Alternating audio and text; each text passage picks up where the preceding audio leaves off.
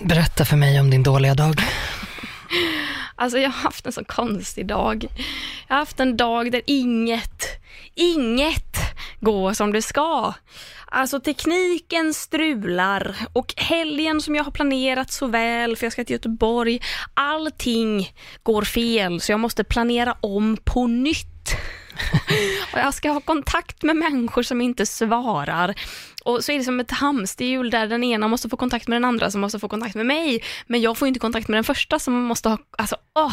Och så ska jag öppna mitt badrumsskåp och tror du inte att alla läppstift ramlar ur? Jo, det tror jag verkligen alla att de gör. läppstift. Och det är inte nog med att det låter så jävla högt när de här läppstiften dundrar ner i badkar och handfat och så är man redan lite känslig och skör. Mm. Och så är höga ljud jättejobbiga. Dessutom flyger ju lock av och de smetar ner mitt golv och de Nej. rullar in under badkar. Och fan och hans moster. Åh! Och hur kände katterna inför det här? Nej, de skiter ju vilket, men jag De står ju där vilket. och tycker att det är ljudet av en atombomb jag hör. Ja, Så, eh, jag, nej. Och så har jag ont i halsen. ja. Jag har jätteont i halsen. Vilken jävla skitdag. Vad är det för teknikproblem du har haft? Nej, det är mitt moment of the week, så det kan vi ta på slutet. Ja, det tar vi sen. Det tar vi Ja, sen. ja, ja. Vi sparar lite gnäll till Ja, där sen. ska jag inte in och grotta Kan du nu. fatta att en av alla grejer som har hänt idag är tillräckligt störig för att bli mitt värsta Ja. moment den här veckan? Wow. Ja, vad kul att få kontra med att min dag har varit högst ordinär. Åh fy fan vad skönt. Den har varken varit bra eller dåligt, den har bara flutit på. F- har inte hänt någonting. Vad är det mest spännande som har hänt idag? Ja, det var väl kanske att jag gick hit, att jag lämnade lägenheten för första gången på hela dagen Ja. och begav mig ut på äventyr. Ja. Så att få se natur, andra färger än blått och off-white, som tror eller ej inte finns naturligt ute i naturen. Eh, så ja, det var väl ungefär det. Så nu pikar det liksom när jag sitter här. Wow, gud vad härligt. Mm. Vad kul för dig. Tack! Jag är inte missunnsam. Nej, det är du inte. Och inte bitter heller. Det förstår ska jag. gudarna veta. Mm.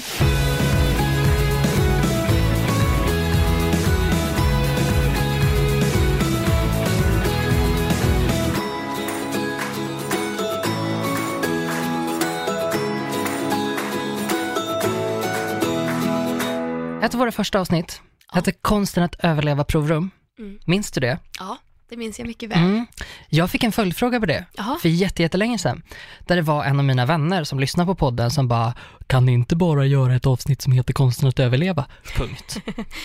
Och så syftade väl kanske lite mer på vardagen. Hur gör man egentligen? Livet är hårt och svårt. Ja. Eh, och nu då, ett och ett halvt år senare, så ska vi plocka upp den bollen. Men vi gör det på ett lite mer extremt sätt. Idag ska vi prata om extrema överlevare. Människor som egentligen inte borde ha överlevt. Människor som inte borde Nej. leva, men inte på grund av våra aggressioner, Nej. utan På grund av att de är så mirakulösa och eh, uppenbarligen eh, överlevare. Vilket är helt eh, fantastiskt att se. Och då inser man också hur, vilken liten trygg bubbla man själv sitter i hela dagarna. Men jag tror ju att det finns två typer av människor. Det finns ju människor som alltid skadar sig och så finns det människor som aldrig skadar sig. Mm. Jag är en människa som aldrig skadar mig. Alltså, och då räknar inte jag blåmärken. Jag har aldrig brutit ett ben till exempel. Jag har aldrig trä. behövt... Är det här inte ens trä, det här är plast? Åh, är det inte plast? Är det Vad är det här för material? Men jag knackar igen. Okej, kan jag knacka? Satan, jag knackar. Jag knackar i mitt huvud. Så, Eh, Men t- papper, jag knackar i papper för papper är gjort av trä. ja, då var det löst. Det var det. Tack så mycket. Vad skönt, Skönt då kan, vi- kanske vi överlever också. Exakt. Men sen finns det ju de som liksom, de bryter ben, de får åka ambulans, de är såna risktagare, de håller förmodligen på med någon extremsport Mm. också. De har svimmat otaliga gånger, de har haft hjärnskakningar. Jag har ju en kompis som räknar sina ont, att hon får i genomsnitt ett ont om dagen, så hon kan vara lite glad Nej, men- när hon har fått ont, för då vet hon att nu kommer jag, om det ska gå efter genomsnittet så kommer jag inte få ont mer idag, för jag har avverkat mitt ont idag. Och vännen, okej, Ja. ja. Och då tänker jag att hade jag liksom trillat av en motorcykel, eftersom jag inte skadar mig, jag hade ju dött. Jag är, jag är ju en av dem som skulle jag skada mig, då skulle jag inte bara skada mig, då skulle jag dö. Nej men jag, Medan de som skadar sig överlever, Ja. gång på gång på och gång. jag vet att eftersom jag är precis samma typ av människa, jag skadar mig aldrig, så vet jag att skulle jag någonsin utsätta mig för någonting, då skulle jag dö på ett förnedrande sätt. Oh ja. Så på motorcykeln, det skulle inte vara i farten. Nej, då skulle jag dö när jag försöker ta mig upp på det här jävla åbäket. och se tidningarna dagen efter från himlen och bara, fan vad du är pinsam Gustav. Det skulle hända mig. Men jag kommer ju aldrig hoppa bungee jump till exempel, för jag är så övertygad om att det är mig som linan går av på. Men samtidigt så har väl du också hoppat ut ur ett flygplan? Det har jag, Mm, sannerligen. Men just då var det. det ju jag och en annan. Ja, men då ju gav du ju inte heller. Det, det bokades ju om 15 000 gånger och du bara, nej jag ska dit. Man bara, vad är det för dödslängtan? Mm. Ja, jag ska. Ja men det är ju det, då är jag där ihop med någon annan. Då sitter mitt liv i någon annans händer. Då är det inte jag själv. Nej. Det här är ju bungee jump, då är det ju jag själv. Så att ni väger upp varandra, så om den andra Exakt. har liksom lite liv kvar och du har liksom lite den här dödsstämningen, då hamnar ni på något slags mellanläge. Precis, jag tror inte ens jag har en dödsstämning. Jag har en extrem levnadsvilja. Ja. Och det är därför jag inte skadar mig, för jag tar inte risker. Nej. Och det är ju ett väldigt orisktagande att hoppa fallskärm ihop med ett proffs Ja. som hoppar fallskärm ungefär 200 gånger om året, Ja. tänker ju jag. ja, det är sant. Det är sant. Men grejen är, hade, hade jag hoppat fallskärm ensam och hade en som alltid skadar sig också hoppat fallskärm ensam och vi hade gjort det samtidigt utan någon erfarenhet, då hade ju jag dött och den andra jäveln hade ju överlevt. Hur högt hoppar man när man hoppar fallskärm? Det är en jättebra fråga. Jag vet faktiskt inte. Nej, man Men bara det är ju faller. några kilometer. Ja. ja, det är bra högt upp. Får jag börja med min historia? Kör. Min första. Okej, apropå flygplan. Ja. Här har vi då ehm, en historia om en tysk tjej som växte upp i Peru. Okej. Hon var dotter till ett par som var framstående professorer båda två. De jobbade med zoologi, de var ornitologer, alltså fågel, inte, säger man fågelskådare, låter inte det lite nedlåtande? Fågelexperter. De kan allt om fåglar, jävlar vad bra de var. Eh, och hennes pappa var också herpetolog. Han hade full koll på herpes. Han hade så mycket herpes så att han blev expert. Han visste exakt vem man hade fått ifrån. Kände han igen på blåsorna? Nej, men han, eh, det är alltså att man är expert på grod och kräldjur. Okej. Ehm, och eh, i början av hennes liv, då fick hon bo ute i djungeln på, på en Vad hette- forskningsstation. Vet du vad den här tjejen hette? Ja, hon hette Juliane Köpke. Yes. Början av hennes liv, då eh, så växte hon upp eh, som ett så kallat djungelbarn. Så det var en forskningsstation ute i Amazonas som hennes föräldrar då hade startat upp. Eh, och hon började där och fick liksom lära sig om överlevnad etc. etc. Eh, och leva liksom fritt. Eh, myndigheterna gillade inte det supermycket så hon fick gå skola. Eh, hon fick liksom flytta tillbaka till Peru och bara, men nu får du, nu eh, får du för i helvete gå. Eh, flytta tillbaka till Lima till och med, till staden. Nu får du gå i skolan. Och när hon skulle ta examen då, så ville hennes mamma egentligen flyga tillbaka till forskningsstationen. Så de tittade på ett datum då, examen skulle vara 22-23 december. Mamman bara, nej jag måste åka den 19 eller 20 och hennes dotter bara, nej, nej vet du vad, jag vill jättegärna ta examen, tror det eller ej nu när jag blivit förpassad till någon jävla stad, inte ens får bo i en djungel längre. Så då bokade de ett flyg på julafton. Eh, på julafton så finns det inte så många flyg att välja på. Så att de väljer att boka ett flyg med ett bolag som heter Linjes Aeras Nacionales SA. Vi förkortar det här med Lansa, för det där kommer jag inte säga igen. Problemet med det här flygbolaget är att alla visste att det sög. Hennes pappa har alltså varnat hennes mamma, flyg aldrig med det här flygbolaget. Varför suger de? För att de är orimliga. Alltså det är osäkert och dåligt och ja, varför? Man får betala extra för säkerhetsbältena kanske? Ja men li- lite den feelingen liksom. Eh, och eh, värre blir det, Okej. för de lyfter där på julafton. Men når ganska snart fruktansvärd turbulens. Planet träffas av blixten och börjar gå sönder upp i luften. Oj, vänta, va? Planet plan ska ju ändå isär. klara av Ja. att bli, plan är ju utrustade för att kunna bli träffade av blixten utan att någonting ska hända. Märk väl att det här också är 1971, så det är Mm. mycket möjligt att man då efter det här, eh, för det här, det blev känt som en av världens värsta blixtrelaterade Oh. olyckor. Planet börjar alltså falla isär. Har man sett Lost så kan man väl tänka sig att det var någonting ungefär så. Juliane sitter fast ordentligt i sitt säte, Mhm. som tur är. Hon faller ner ungefär 3,2 kilometer från luften. Vänta, vänta, förlåt. Faller planet eller faller hennes säte. Allt. Allt faller ner. I planet. Och exakt, allting faller. Men planet ramlar isär. Va? Så hon flyger iväg på sitt säte.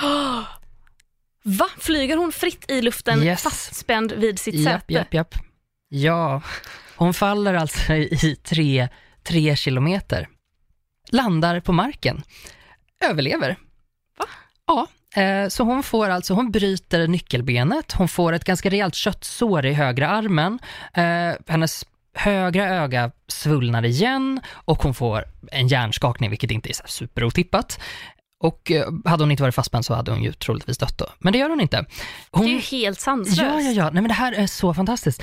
Då hittar den här 17-åriga bruden godis och lever på det ett tag. Och någonstans här när hon bara, jag måste ju hitta, är min mamma här? Är, finns passagerare här? Var är folket? Liksom, då går hon runt och letar efter det, hittar en liten flod. Eftersom hon är uppvuxen i, eh, i en djungel så har hon lärt sig överlevnadsstrategier och hon vet att följer du strömmen så kommer den någon gång komma till en civilisation. Så hon börjar vada. Hon vadar alltså i den här eh, ganska låga floden då i tio dagar. Då hittar hon en, hade det varit du eller jag, då hade ju vi typ drunknat. Vi hade snubblat på en liten flodsten. vi hade ju dränkt oss själva. Ja.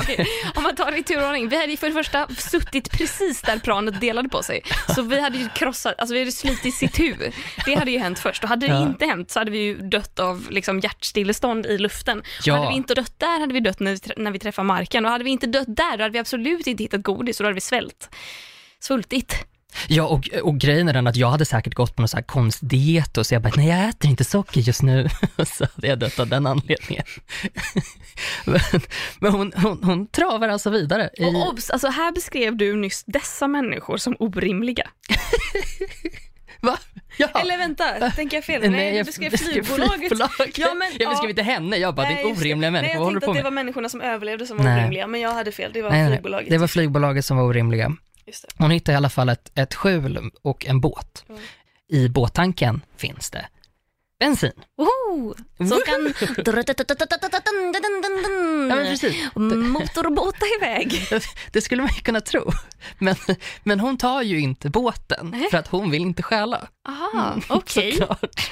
För att hon har, hon har tydligen någon slags moral då till skillnad från vissa andra i det här, i den här världen. I det här rummet. Det, i det här rum, precis det jag tänkte säga, men jag bara, men Juliana är ju faktiskt inte här. Så att, ehm, men det hon gör med bensinen är att hon häller det över köttsåret på sin arm. Why though? För att där lever det nu larver. N- nej. Jo då, det vill jag lova att det gör. det? För att hon har ett rejält jävla köttsår i Amazonas djungel. Här har ju de haft en festmåltid Åh, i flera dagar. Hon har gått över floden. Eh, men hon har lärt sig av sin pappa, all den här överlevnadsstrategin, att ehm, om man häller bensin på, på, på saker så kan man, så kan Så dödar man så dem. dödar man någonting. Och eh, som tur var blev det då de här maskarna. Och hon eh, sysselsatte sig under tiden med att räkna hur många maskar som kom ut ur hennes kropp. 35 stycken. Mums. Mm. Då hade hon middag sen. Ja, sen hade hon middag. Sen sov hon i det här skjulet. här skulle man ju också kunna tro att det är väl klart att hon tar båten och åker vidare. Nej, det gör hon inte, för hon vill inte stjäla. Och då tänker jag att, men älskade lilla vän, du kan åka Snälla tillbaka med människa. den sen. Snälla människa, du kan lä- skriv en lapp för fan. Funkar i tvättstuga så funkar i Amazonas djungel. Jag lovar. Helt sjukt. Hon sover i skjulet och hon blir sen hittad av fiskare. Det, var, det, det stod att det var antingen fiskare eller lumberjacks, vilket är så skogshuggare. Så jag vet inte om det var folk som försökte förstöra Amazonas som kom dit och i alla fall rädda henne. Och det var ju skitbra, för då, blev, då, kunde hon, då kunde hon överleva. Då är det här alltså, det här människan, enda människan, hon har överlevt av 91 personer. Alla andra dog. Alla andra dog. Vilket Ja, hon... det är ju helt... Alltså det, det, är, det är helt, helt, helt, helt sjukt. Alla andra dog, hela besättningen, alla passagerare. Eh, flygbolaget blev av med sitt tillstånd ganska raskt efter det här. De fick inte köra vidare. Fick inte flyga med. Tacka fan för det. Jävlar alltså vad man inte vill vara henne. Nej, för i helvete. Det, det, eh, och, och också jättesorglig detalj. Hon hjälpte till för att hitta eh, platsen där planet hade landat. Och, så att de kunde hitta hennes mamma också. Åh fy Vilket är fruktansvärt.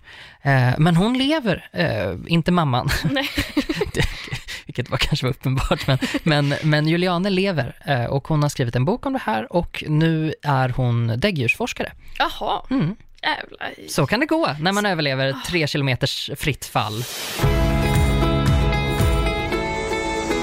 Något annat som är helt jävla orimligt, det är Frain Selak. Eller, f- jag är dålig på hur man uttalar eh, namn på människor som kommer från Kroatien.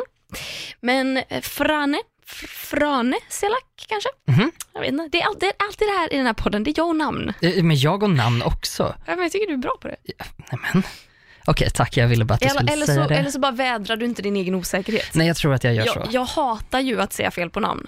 Det är ju riktigt jobbigt. Ja, Så därför vill jag säga rätt. Vi, vi kallar honom för Frane Selak, för det är så det stavas. japp. Det är januari 1962 och den då 33-årige Frane Selak sitter eh, på ett tåg som går genom en kall och regnig ravin. Jag vet inte vart han är på väg, men han är på väg någonstans. Kanske till, ska vi hitta på någonting? Midnight train to Georgia. Perfekt. Ehm, plötsligt så hoppar tåget ur spåret, vad heter det, när det liksom så här spårar ur Det spårar ur. och kraschar in i en flod. Nej. Selak dock har tur för någon får tag i honom och drar honom upp ur vattnet och i säkerhet. Eh, han får en bruten arm, han lider av hypotermi, alltså att han, hela kroppen är nerkyld. Han mår inte bra, Han mår verkligen inte bra. Moment of the week. moment of the week. Men han överlever medan 17 andra passagerare på det här tåget drunknar. Men han är lycklig. Eh, ända fram till eh, året därpå, 1963, skulle jag tro i alla fall. För då ska Fr- eh, Frane Selak flyga flygplan för första gången i sitt liv. Frane. Vad händer då tro? Jo, en av flygplanets dörrar är felaktiga på något sätt. Den, det är trasigt men de har inte märkt det här. Fy fan i Så helvete. Uppe i luften släpper dörren från flygplanet. Dörren slungas iväg och det blir ett liksom luftsug som gör att Selak själv slungas ut ur flygplanet och störtar ner mot marken. Men som tur är så landar han rakt i en höstack. Nej. Och Nej. överlever. Det är klart. Men Nej. planet däremot, det störtar och 19 passagerare avlider. Dör alla andra? Jag vet inte hur många de var på, men 19 andra Ah, dör. okej, det, låter ju, 19. det låter ju som att flera har överlevt, för jag tror det Ja, brukar kanske, vara fler än kanske. 20 passagerare på ett, på ett Ja, flyg. och kanske på tåget också. Ja, Där ja. var det 17. Ja, Ja. du, har, du har nog rätt. Eh, så det var ju tur att den höstacken fanns där. Vi spolar fram tre år, 1966. Nej men Frane, för Då fan. åker Frane Selak buss. Bussen, den får sladd och störtar av vägen rakt ner i en flod. Var det samma flod som tåget störtade i 1962? Inte vet jag, men fyra personer drunknar. Men inte Selak.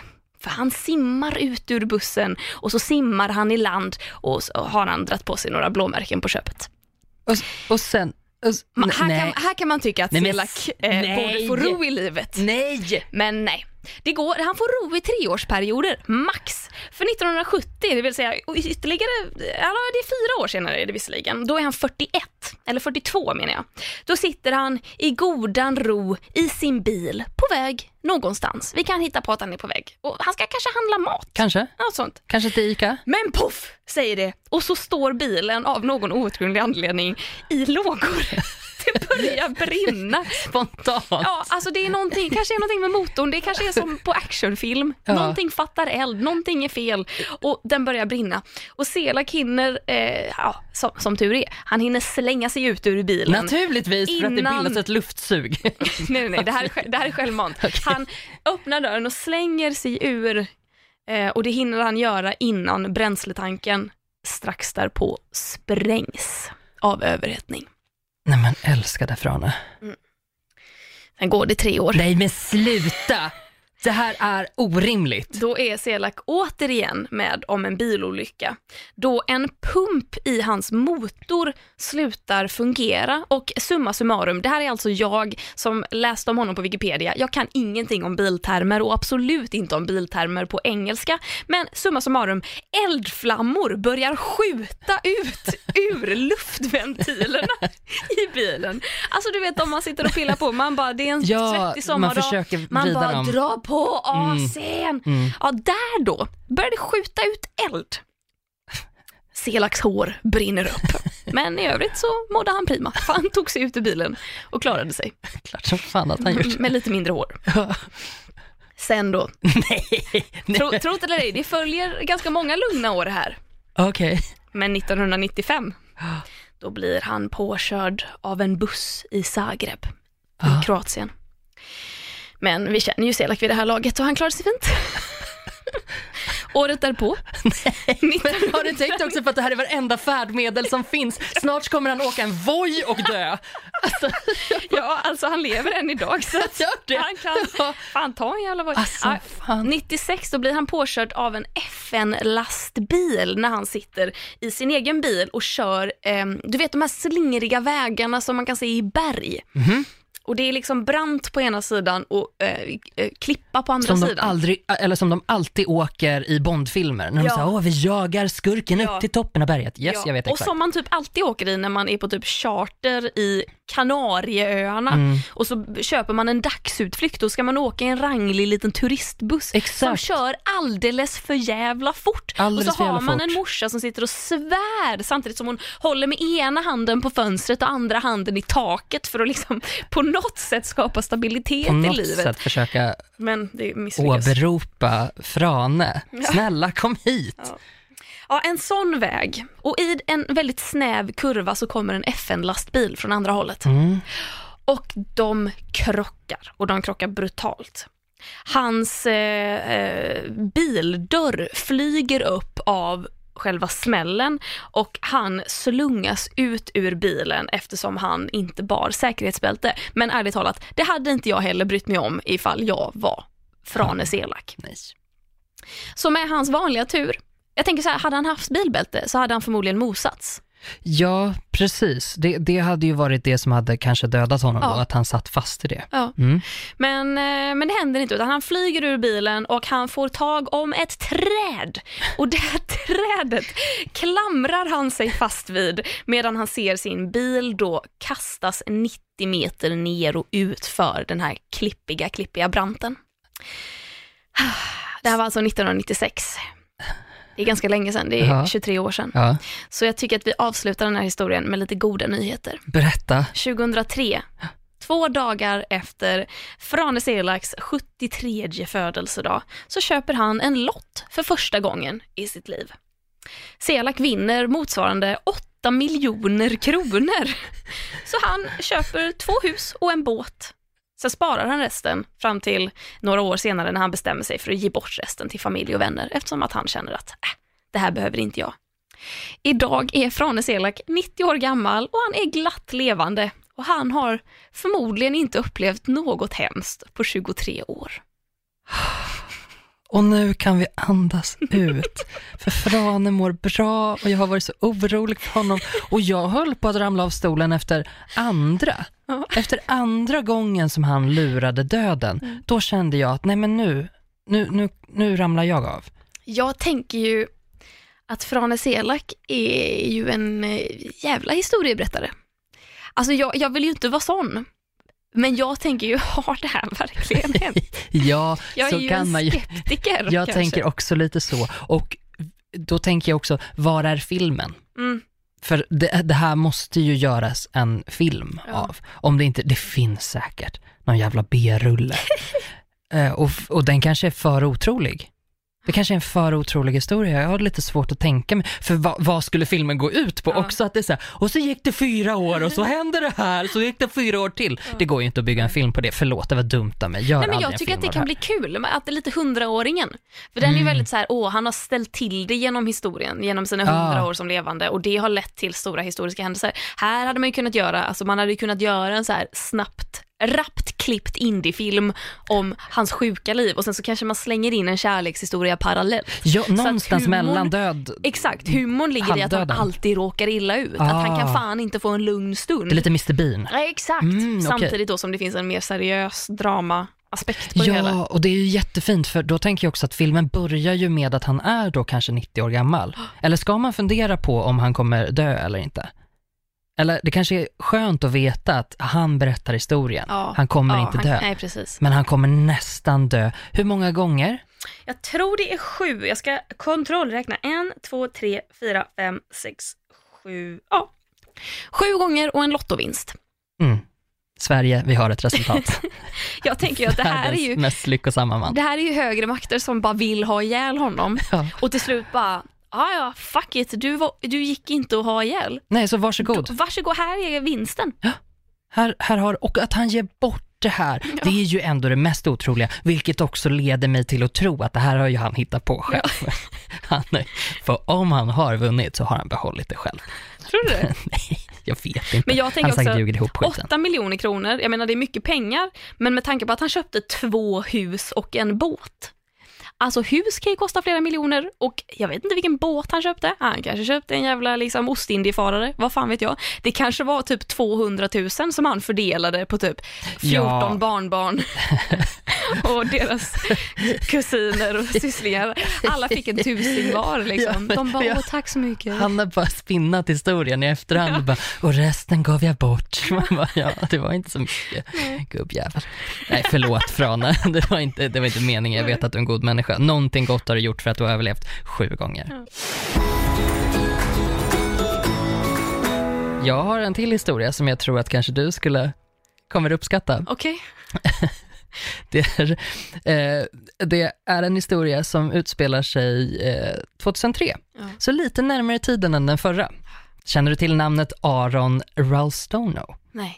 Nej, har du sett filmen 127 timmar? Ja, och fy fan vad vidrig den är. Mm. Jag, det var ju konstant ångest. Yes. Oavbruten ångest. Och här har vi ju verkligen en historia om någon som kanske inte borde ha överlevt Nej. eh, För naturen, filmen handlar ju om hans, hans ja, det som vi nu överlevnad. då. kommer få höra om man inte har sett filmen. Precis, precis, fan. precis. Eh, han tyckte om att vandra och var ute och hajkade, så att säga. Eh, väldigt ofta, var jättevan vid det. Och eh, brukade vanligtvis gå i mycket svårare terränger än vad han gjorde just då den här gången, eh, år 2003.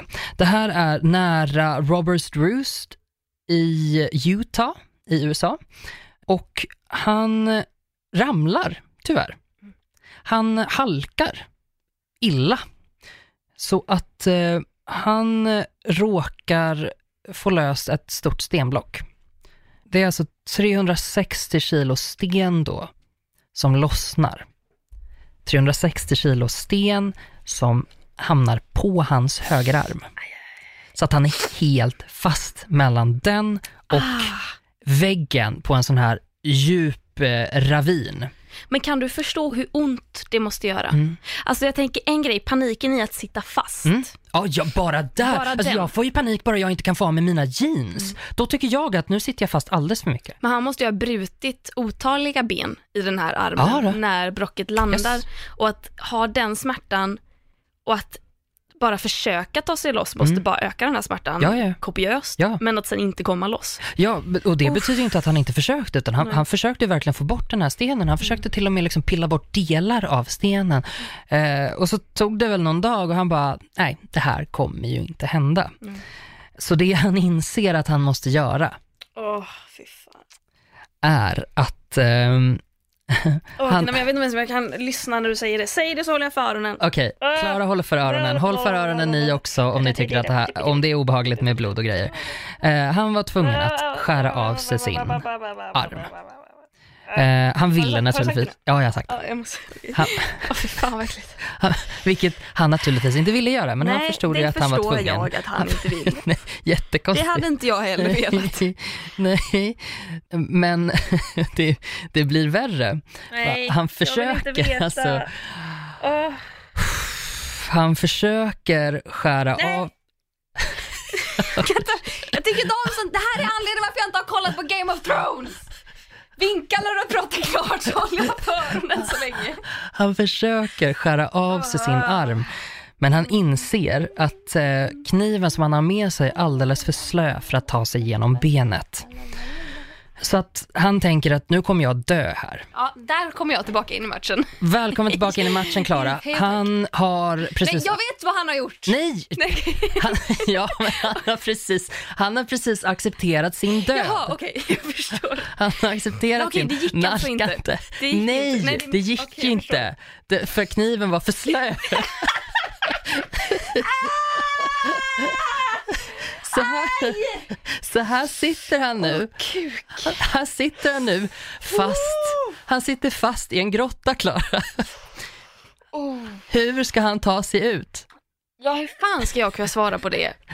Hade han dynamit? Nej, inte ens det antar jag. Inte ens en gravid kvinna. Inte ens en gravid kvinna Fan. att spränga för att ta sig ut därifrån, utan han Ja, sitter var fast med det här typiskt. Det får fan, förbannade... fan skylla sig själv. Ja, det får han fan i mig göra. Har man inte med sig en gravid kvinna och dynamit, men då får gång- man skylla sig varje själv. gång man går ut och vandrar i naturreservatet där ute i Nacka, då, då förtjänar man att dö. Så där sitter han. Eh, han har precis insett att eh, döden nalkas, så han känner en viss eh, frid i det här. Ehm, Åh, fuck. men då kommer han på en snilleblixt. Åh nej, jag tror inte att det är så smart. Det han kan göra är att, Åh, ska jag hålla för öronen? ja jag tror att du ska hålla för öronen nu. Kan du bokstavera det långsamt? Va? Det är T-H-A-N K-A-N-G-Ö-R-A. Nej, just det! Jag förstår det. Det är helt orimligt att jag ska bokstavera. Jag har någonting kul som börjar på L. nej, du liksom, Jag kan för fan inte bokstavera vad, han ska göra. Få tid på mig att avgöra om jag skulle hålla för öronen eller inte. Varför är det roligaste vi vet död och förstörelse? Du, han behövde veta om han skulle D-Ä-T-H. Nej, nej, verkligen inte. Det han kan göra sa jag. Ja, vad kan han göra? Får jag ta det i, i raka, Ja. raka rör, raka Ja. puckar nu Klara. Ja. Nu tar vi det här. Det han måste göra är att använda stenblocket som motvikt för att bryta bra. armen. Han måste bryta av sig armen. Han använder sin kroppsvikt ehm, för att eh, med våld bryta Ja. av sin arm Gud vad härligt. till stenblocket har Ah! knäckt Ah! hans, ehm, Hans arm. Ja. hans underarm. Mm, Ja. precis. Eh, som tur är har han med sig en sån här lite härlig maratonryggsäck som jag också brukar ha när jag Ja. springer, som har en liten, eh, en liten slang. Ehm, så den eh, använder han eh, för att, som, som en slags tryckförband, som en kompressor då. För man brukar göra så, om man amputerar någon, om man är tvungen att amputera, man brukar göra så, nu brukar man väl kanske inte amputera helt spontant, kanske. Eh, men eh, det, det man ska göra är att försöka hindra blodflödet. Precis. Så då använder han sin lilla maratonrygga till det eh, och knyter den hårt, hårt, hårt runt armen. Ehm, och sen så då eh, kuttar han igenom resterande Ah. Harry Potter eh, och Hemligheternas kammare-arm tills den går av. Det där flög rakt över huvudet på mig och jag älskar Harry Potter. Hur menar du? när han blir, när han blir fång, när han får när han får eh, Vem? Harry? dunkaren, Harry, när de Ja, spelar ja, quidditch, ja, när, när Gilderoy Lockhart ska Alla försöka ben rädda i honom. armen försvinner. Exakt. Nu är jag Det är med. ungefär det han har kvar då. Åh, Ja, så han kuttar av den. ja, vad skönt. Eh, den här amputeringen tar mer än en timme. Eh, och det här är alltså efter fem och en halv dag i den här ravinen. Utan mat och utan vatten. Ja, han har, alltså han har väl lite. Han har väl liksom viss proviant, för han var ju ändå ute och vandrade så att han visste att han var tvungen att plocka med sig någonting. Ja. Eh, han överlevde eh, och hjälpte till exempel till med att skapa då den här filmen, 127 timmar. Eh, som om man känner sig lite taggad efter den här härliga hisspitchen så kan man ju kika in den filmen. Jag tror att det, det är James Franco som Snygg person. mycket snygg, mycket obehaglig person. Eh, Obehaglig. Ja, men han, han har skickat massa, massa snusk till, Nej, till inte han också. underåriga, minderåriga. Ja, han, han försökte ragga på en 17-åring på Instagram. Oh, Så det är ju lite tråkigt kanske. Ja, Eh, det sög ju. mm. Men då kan jag ju säga att den här filmen är, det, eller kanske går att räkna ut, men det är den absolut obehagligaste filmen jag sett typ någonsin. Jag kommer aldrig se den igen. Och det här är då alltså från, från människan som har dragit en historia så illa så att två personer har svimmat av den under berättelsen. Fyra personer? Nej. Nej, nu ljuger du. Två personer av fyra två- föreställningar. Ja, så var det. Jag bara, vad fan. Jag var där båda gångerna. Så är det. Ja, men precis. Och det handlar om när jag spräckte min, eh, mitt underliv med en kettlebell. Mm. Då har folk svimmat. Så är det. det, har, det har, precis. Jag visste att siffran fyra spelade Ja. en roll i det. Ja, men jag, jag ljög. Men hellre en kettlebell än 360 kilo sten, tänker jag. Ja, och jag slapp amputera min fitta. Ja, Så att det slapp du. den läkte. Nu eh, blir det inte, det, här är, det här är ju lite likt, det här är ju inte på långa vägar eh, från Selak, men det är ju lite likt i bemärkelsen att eh, det är en person som har upplevt, alltså, alltså du, du, gubben, du ska inte klara av det här. Det är lite väl. Mm, GBN. En japansk man vid namn Tsutomu Yamaguchi Byter man plats på de första bokstäverna i för och efternamn så blir det Yutomu Tamaguchi. Men han heter alltså inte som en liten virtuell, eh, ett virtuellt husdjur i efternamn, utan han heter Yamaguchi. Mm. Men det är good enough for me. Nära nog. Han föddes den 16 mars 1916 i Nagasaki. Och den 6 augusti 1945 var den då 29 år gamla ingenjören eh, Tsutomu på en affärsresa i, gissa vilken stad? Ja, jag vet vad det här är på väg alltså. Hiroshima. Ja, naturligtvis. När ett amerikanskt flygplan släppte den första atombomben Little Boy över staden. Om du säger att Frane Selak var där, Nej, då skriker jag rakt ut. jag vet ju inte. Han var förmodligen det. Säkert där. Men han har själv tänkt, Hans- nej åtta gånger kan jag Hans inte ha lurat förfäder döden. var där Ja. och la grunden. Men det sjuka är då att den här atombomben dödade ungefär 100 000 människor omedelbart. Uh, nu får jag rysningar. Alltså så många människor dog så här. På en, ja, ett ögonblick. Tsutomu, han klarade sig. Han brännskadades svårt och han, eh, var ner, alltså han tog sig ner i ett skyddsrum på något sätt där han befann sig. Och det han har sagt om det här efteråt har varit att jag vet inte vad som hade hänt. Jag förstod inte vad som hade hänt. Jag tror att jag svimmade en stund och när jag öppnade mina ögon var allting mörkt och jag kunde inte se något. Det var som början på en film på bion. Precis innan bilden börjar visas. När de vita framesen bara flashar förbi utan något ljud. Och. Den här dagen då, ja, exakt, tack för ljudeffekt. Varsågod. Eh, dagen då bomben släpptes, alltså den 6 augusti 1945, så det, det var hans sista dag i Hiroshima. Eh, han skulle alltså åka hem dagen efter. Men hans sista dag, då fälls alltså den här bomben. Och eh, han skadade sina öron väldigt, väldigt svårt, eller sin, sin hörsel liksom. Ja. Eh, och han blev väldigt illa brännskadad, men han klarade sig. Så han lyckas då på något sätt ta sig från ett skyddsrum till en tågstation tillsammans med två kollegor som också hade klarat sig. Och de då börjar eh, vandra på spåret antar jag, för jag tror inte det gick några tåg efter Nej. att Hiroshima-bomben släpptes. Nej, jag tror, jag gissar Det, att det inte gick några tåg. det är lite värre än löv på spåren. Eh, Det alla som inte bor i Stockholm, det är ungefär den vanligast förekommande anledningen. Det spelar ingen roll. Vinter, sommar, höst, det är löv på det spåren. kan ju vara, om det kommer lite regn, då kan det också vara halt Det på spåren, halt för på att det är blött. Ja. Hur som helst, han då börjar ta sig tillbaka till sin hemstad eh, Nagasaki, där hans eh, fru och barn fanns. Vet du när atombomben över Nagasaki släpptes? Tre dagar senare, den 9 augusti 1945. Och Yamaguchi var ja, halvvägs igenom att berätta sin historia om hur han överlevde Hiroshima när den andra bomben exploderar över eh, Nagasaki. Men rent jävla mirakulöst så överlever han den här med, tillsammans då med sin fru och sin ena son. Åh, Eller nej, det- det kanske var hans enda, hans enda barn. Ja, Han, hans fru ändå, och hans son klarar sig och han klarar sig också. det var väl ändå för väl? Ja, och han, fick, eh, han, han led från sina liksom radioactive, eh, alltså radiation exposure, vad heter Mm. det? alltså radioaktivt, eh, ja, Ja. han fick Strålning, radioaktiv Precis, strålning. han fick mm, skador av det här, men han liksom återhämtade sig och han levde ända till 2010. Oj! Ja, och hur, och hur gammal var han i början? Ja, han föddes eh, 1916, så att han blev ju 90 då hela 94 94 år gammal. Wow!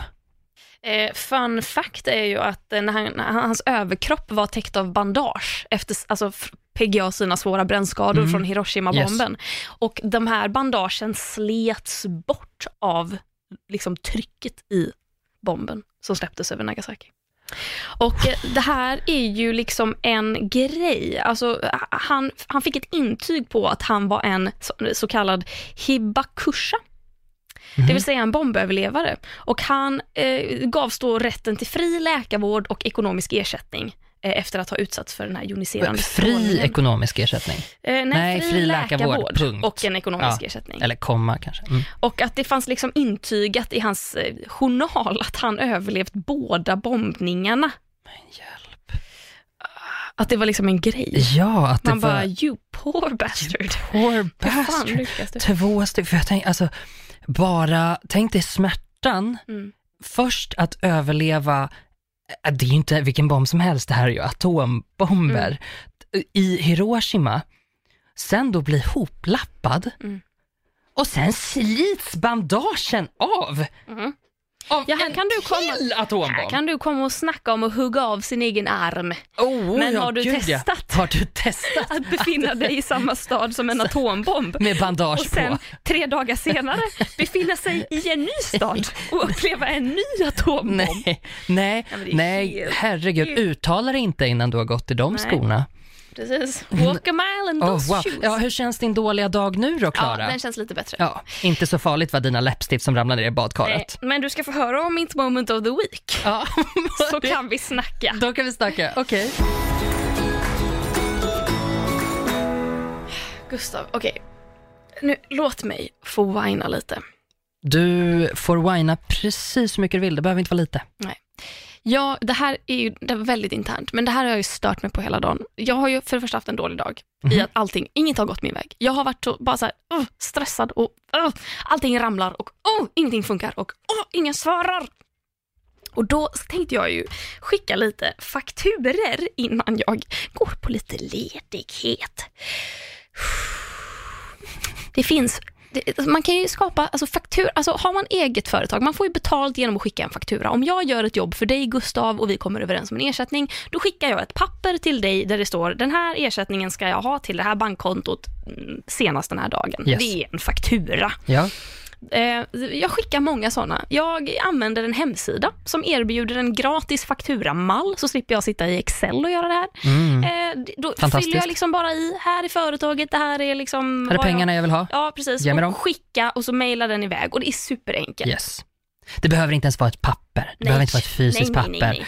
till alla eh, som fick lite klimatpanik där. Utan det här är alltså på, per e-post på www. Precis. Eh, sen finns det ett djävulskap som kallas för e-faktura. Ja, Och Det här är alltså någonting annat.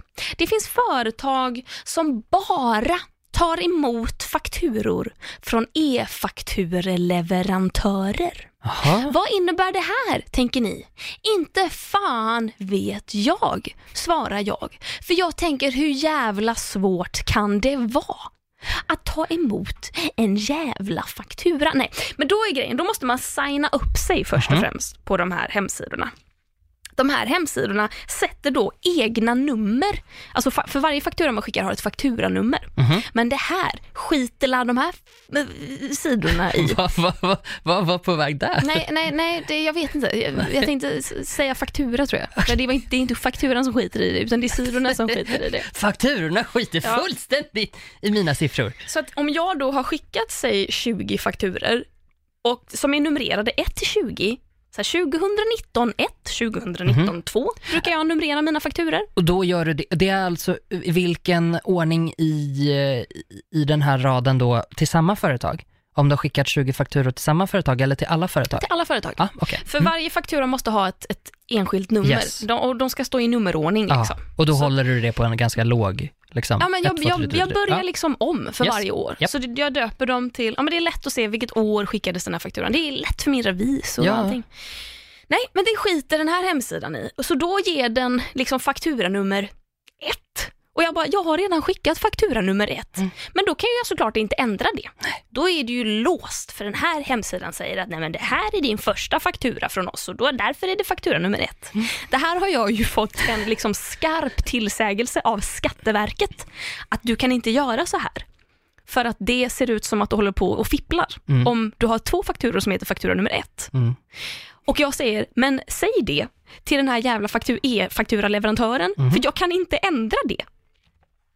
Nåväl, det där var mitt första problem. Att kan jag få lov att döpa om fakturan? Nej, det får jag ju såklart inte.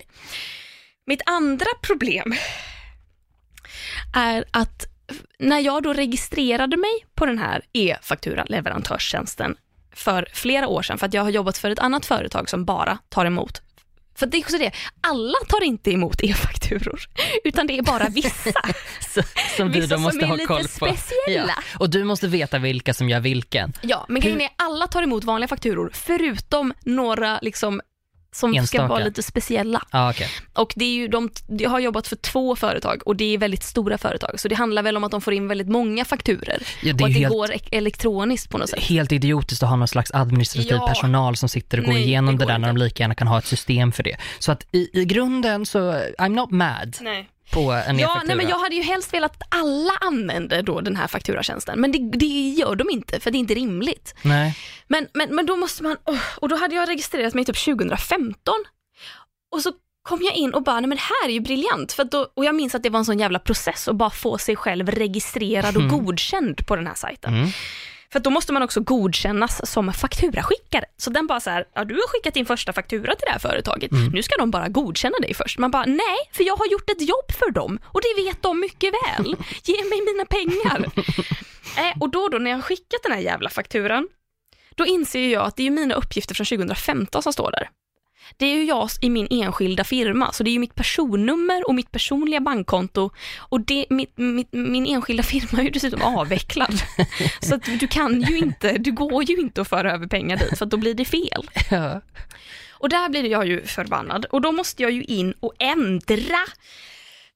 Men för varje ändring, obs, inte så att jag kan ändra allting, trycka spara och sen så får jag bekräfta via, då får jag ett, så här, ett mail, bara var det du som, man bara det var såklart jag, för jag har loggat in med mina uppgifter. Ja, precis. Här har jag suttit med mitt jävla bank-id själv. Ja. Eller, jag, jag vet inte, gissar jag att du har gjort, men det kanske inte har. Nej det har jag faktiskt inte. Nähä. Nej, men det är ju det är också det, skulle jag ändra mitt, min mail, Mm. då kanske, eller lösenord, då kanske man får bekräfta via mail. Ja. Men skulle jag bara ändra liksom mitt bankkontonummer, måste, måste jag verkligen godkänna det vi- via mail då? Och nu blir jag så tråkig, men ja, för tänk dig om någon annan har tagit sig in och så ändrar de till sitt banknummer istället.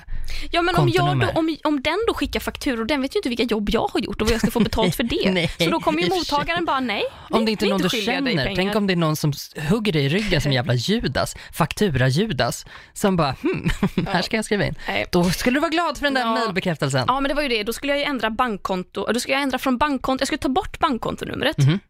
Då fick jag ett här, bekräfta via mail. Sen skulle jag ta bort bank, Mhm. banken, ta bort att det står Nordea, ja, bekräfta det via mail. Sen skulle jag lägga till ett bankgiro, bekräfta det via mail. Sen skulle jag ändra min adress. Du förstår, det här Ja, bara då. rullar på. Mer, mer, mer. Sen visade det sig att organisationsnumret, det går inte att ändra. För då är det här kontot låst Till till min enskilda firma som inte ens längre är aktiv. Så jag kan ändra allt, men jag kan inte ändra mitt företag från enskild firma till aktiebolag. Måste du registrera om då? Så nu måste jag registrera om. Och jag måste dessutom skicka en kreditfaktura. För att sen skicka en ny faktura. Så det är inte bara en faktura jag har med fel jävla nummer i ordningen. Det är inte bara en faktura som är en dubblett på faktura nummer ett. Jag kommer ju ha en faktura nummer två och sen en faktura nummer tre. Men- I dubbel uppsättning. Märk väl också att just nu viftar Klara i luften med fingrarna som en fotbollshuligan. Som om, jag inte, som om du inte visste hur siffran ett ser ut i fingerform. Nej, det har jag full koll på. Så jag har ju suttit i telefontjänst med den här jävla e-fakturan och det, har, det här tog ju mig en timme typ. Ja, det gör ju Och det med alla sådana saker. Och de är ju väldigt sällan användarvänliga. Det är inte som att någon sitter där och har koll på UX.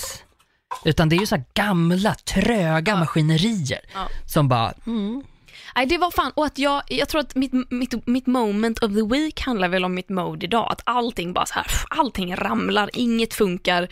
Jag skickar en, alltså en faktura där allting, det hade varit en grej om jag hade angett fel liksom, ersättning, att så här, ah, sorry, förlåt, jag gjorde fel, här kommer en kreditfaktura och så skickar jag en ny. Men nu när allting var fel och allting tog evigheter och att allting var dessutom rätt förutom mina jävla bankuppgifter. Och jag kan inte höra av mig till SVT för att det här sköts elektroniskt. Och jag ringer fakturaleverantören och bara hej kan ni ta bort den här fakturan? De bara nej den har redan skickats och man bara men kan ni ta tillbaka den? Så kan jag ändra mina jävla, aj det tog fan evigheter. nej det går inte. Så jag var så svag, jag satt och svor och jag var också inte hemma, jag var på café. Var du, blev du, blev du så här gråtlabil, arg? Nej jag var, nej, jag var bara arg. Bara arg? Jag satt och svor och jag var med en kompis och kompisen kom upp och bara kramade mig och bara, jag vet inte vad jag ska göra när du är så här. Kan jag göra någonting? Och jag bara, nej. Och hon bara, men jag vet inte hur jag ska reagera för jag är inte van vid att se dig så här. Nej. Oh, wow. Ja, alltså, jag finns här för dig. Jag tycker att alla sådana administrativa verktyg ska vara mycket lättare att använda än Tack. vad de är. Tack.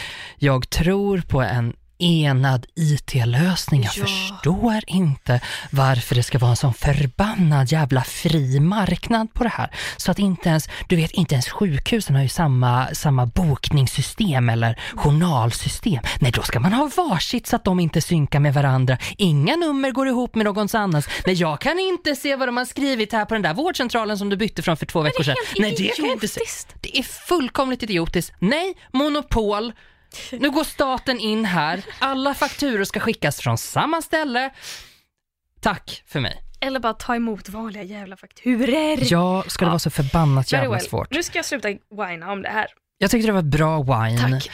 Eh, låt dem oss börja då, eh, börja avrunda med mitt moment. Mm. Mitt moment är inte gnälligt. Mitt moment handlar om hur jag övervann svårigheter i mitt liv. jag, när man är sådär arg som du var idag, Ja. läppstiften flyger över hela rummet och saker går sönder och du spiller eventuellt ut tacosås på din matta, vilket jag gjorde för någon månad sedan då på min vita matta, märk väl. Eh, den här dagen då i den här veckan hade jag en liknande dag.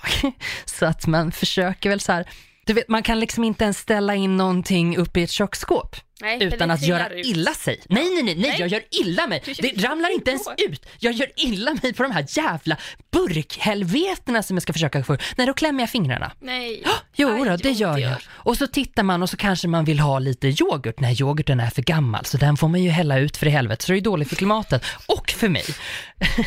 Då får man ju hälla ut för i helvete. Jag blir så jävla förbannad.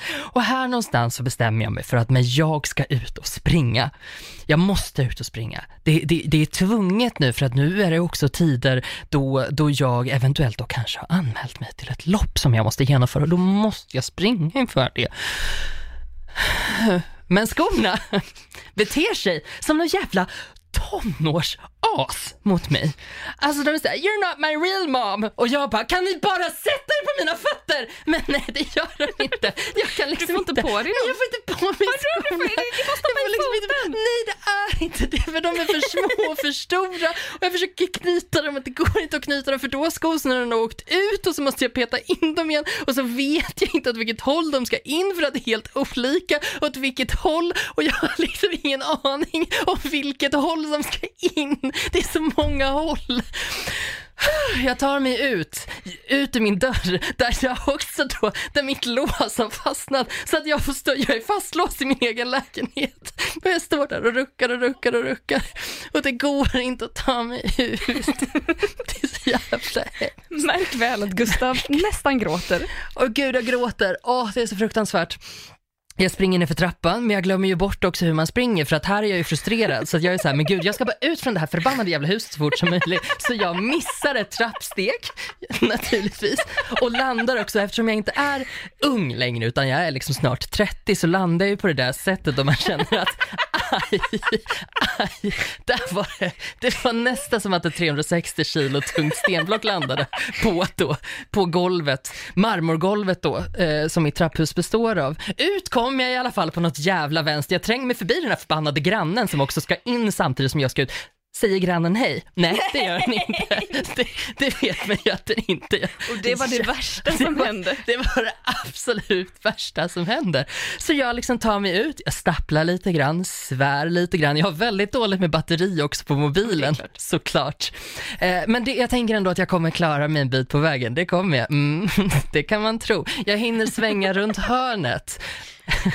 och bara, men mobilen lever i alla fall, det här kommer gå bra. Nej, då dör ju hörlurarna. Nej. Har jag tagit med mig mina hörlurar med sladd? Nej, det har jag inte. Har jag dem hemma hos mig? Nej, det har jag naturligtvis inte heller, för de har jag lånat ut. Så jag har ingenting. Jag har absolut ingenting i detta jordeliv när jag påbörjar min förbannade jävla löptur som jag måste genomföra för att jag ska genomföra ett förbannat jävla lopp.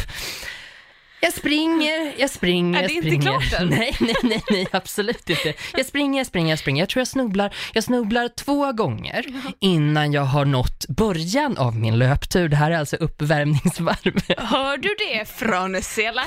Hör du det från Selak? Hör ni det? Det är jävla Hiroshima-överlevare. Här har du någon som har gått igenom någonting svårt. Det är, alltså det är så jävla hemskt och det blir så när man blir så arg så att man börjar skratta. Så blir det och också gråta Det har jag lite aldrig grann. varit med om. Jag, har ba, inte jag med bara gråter. Jag kan Ja. inte skratta när Men jag är jag, arg. jag blir så här, så låter jag. Ehm, Någonstans när jag har kommit någon kilometer i alla fall och eh, märk väl, det här bedömer jag eh, med typ något slags liksom, eh, b- liksom, jag tar det lite på volley för att nu har ju mobilen dött också. Så jag vet ju inte hur långt jag har sprungit heller, men jag tror att det är runt en kilometer ungefär. Här händer någonting. Här händer någonting. Jag kommer in i andra andningen. Här går det som en dans. Det går som en dans. Det går som en dans. Jag springer med så lätta steg över asfalt och, och på, det, det är liksom över mjuk mark, hård mark, sankmark, sumpmark, träskmark, stenblock, raviner. Stenmark. Stenmark springer jag över. Över. Jag springer Martin rakt över. Martin Stenmark. Och så, och så springer jag något som ändå måste beskrivas som typ, alltså en av mina bättre löparrundor. Är det sant? Ja, någonsin. Jag hade så mycket adrenalin i kroppen. Du var så mycket. jävla förbannad. Alltså jag var så jävla förbannad, men sen kom jag in i det här härliga och också så här bara känna typ, mm, det är ingen musik i öronen, det är, jag be- behöver inte bli Vad är, stressad. vad är det för känsla? Jag har ingen aning. Jag vet inte heller, jag tror aldrig jag kommer känna så här igen, för jag har aldrig känt så förr. Jag har försökt förr, det går inte. Men jag känner det den här gången i alla fall, att nej men jag tycker det är ganska härligt, jag springer längs med vattnet och springer liksom precis så långt som jag ska. Eh, jag kommer hem och har den här härliga känslan av att ja, men jag, är, jag, är, jag är tillräckligt svettig. Alltså vidrigt svettig, jag blir inte tillräckligt svettig. Det är allt eller inget. Antingen ser det ut som att jag inte har rört mig en tum eller så ser det ut som att jag har tagit mig igenom eh, en flod i Amazonas. Men med ett köttsår med maskar. Min rötsel med maska, 35 stycken har ramlat ur på den här löparturen, men glad är jag för att jag når nirvana där när musiken dör. Eh, sen så slutar den här historien ganska väl ändå, när jag har den här härliga känslan i kroppen, förutom då det lilla faktum att efter det här har jag sån enorm endorfinkick. Så jag kan inte sova så att jag sover bara två timmar Två? den natten. Och Åh, vaknar som ett jävla rövhål efter diarré. Men glad var jag. Jag tolkade det ju först som att du fick diarré under natten och sen förstod diarré jag att nej, det när var jag sprang. som ett rövhål med diarré, efter diarré mådde du som. Nu förstår jag. Det gjorde jag. Rimligt. Mm. Ja, men, eh, tack för att du delar med dig. Tack för att jag fick dela med mig, mitt hjärta känns lättare så här. Sommar, sommar, sommar. Ja, äntligen mitt Det här sommarprat! var Gustav Jernberg i Sommar i P1. Det är så bra slut. Producent var... ja, vem, var, vem vill du ha som producent? Ja, men är det Henrik Larsson eller vem är det? Är det du? Ja, Det är Clara Henry. det är jag. Clara Henry kommer också skicka fakturan för det här programmet till Gustav Jernberg snart. Exakt. Om hon kan lista ut hur man gör. Tar du emot e-fakturor? Nej, det gör jag Ja, inte! fy fan. Surprise. Underbart. Ja, nej men eh, tack för den här veckan. Tack snälla, vad roligt det var. Ja, det var jättehärligt. Vad roligt det är att prata om folks olycka. Ja, verkligen. Mm, då trivs vi som allra bäst. Det gör vi sannerligen. Mm. Tack alla som har lyssnat. Vi hörs igen eh, nästa vecka. Det gör vi. Puss på er. Hej då. Hej.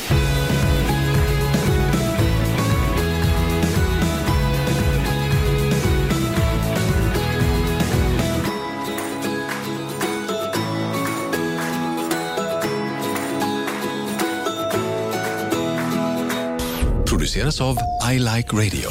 I like radio. Nu startar fotbollsfesten på Circle K. Testa våra nya french hotdogs och dressingar med smak av hela fotbolls-Europa. Italiensk parmesan, nederländsk ostdressing och engelsk sour cream and bacon. Just nu köper du en för 35, två för 59 eller fyra för 99. Vilken är din vinnare? Vi ses på Circle K i sommar.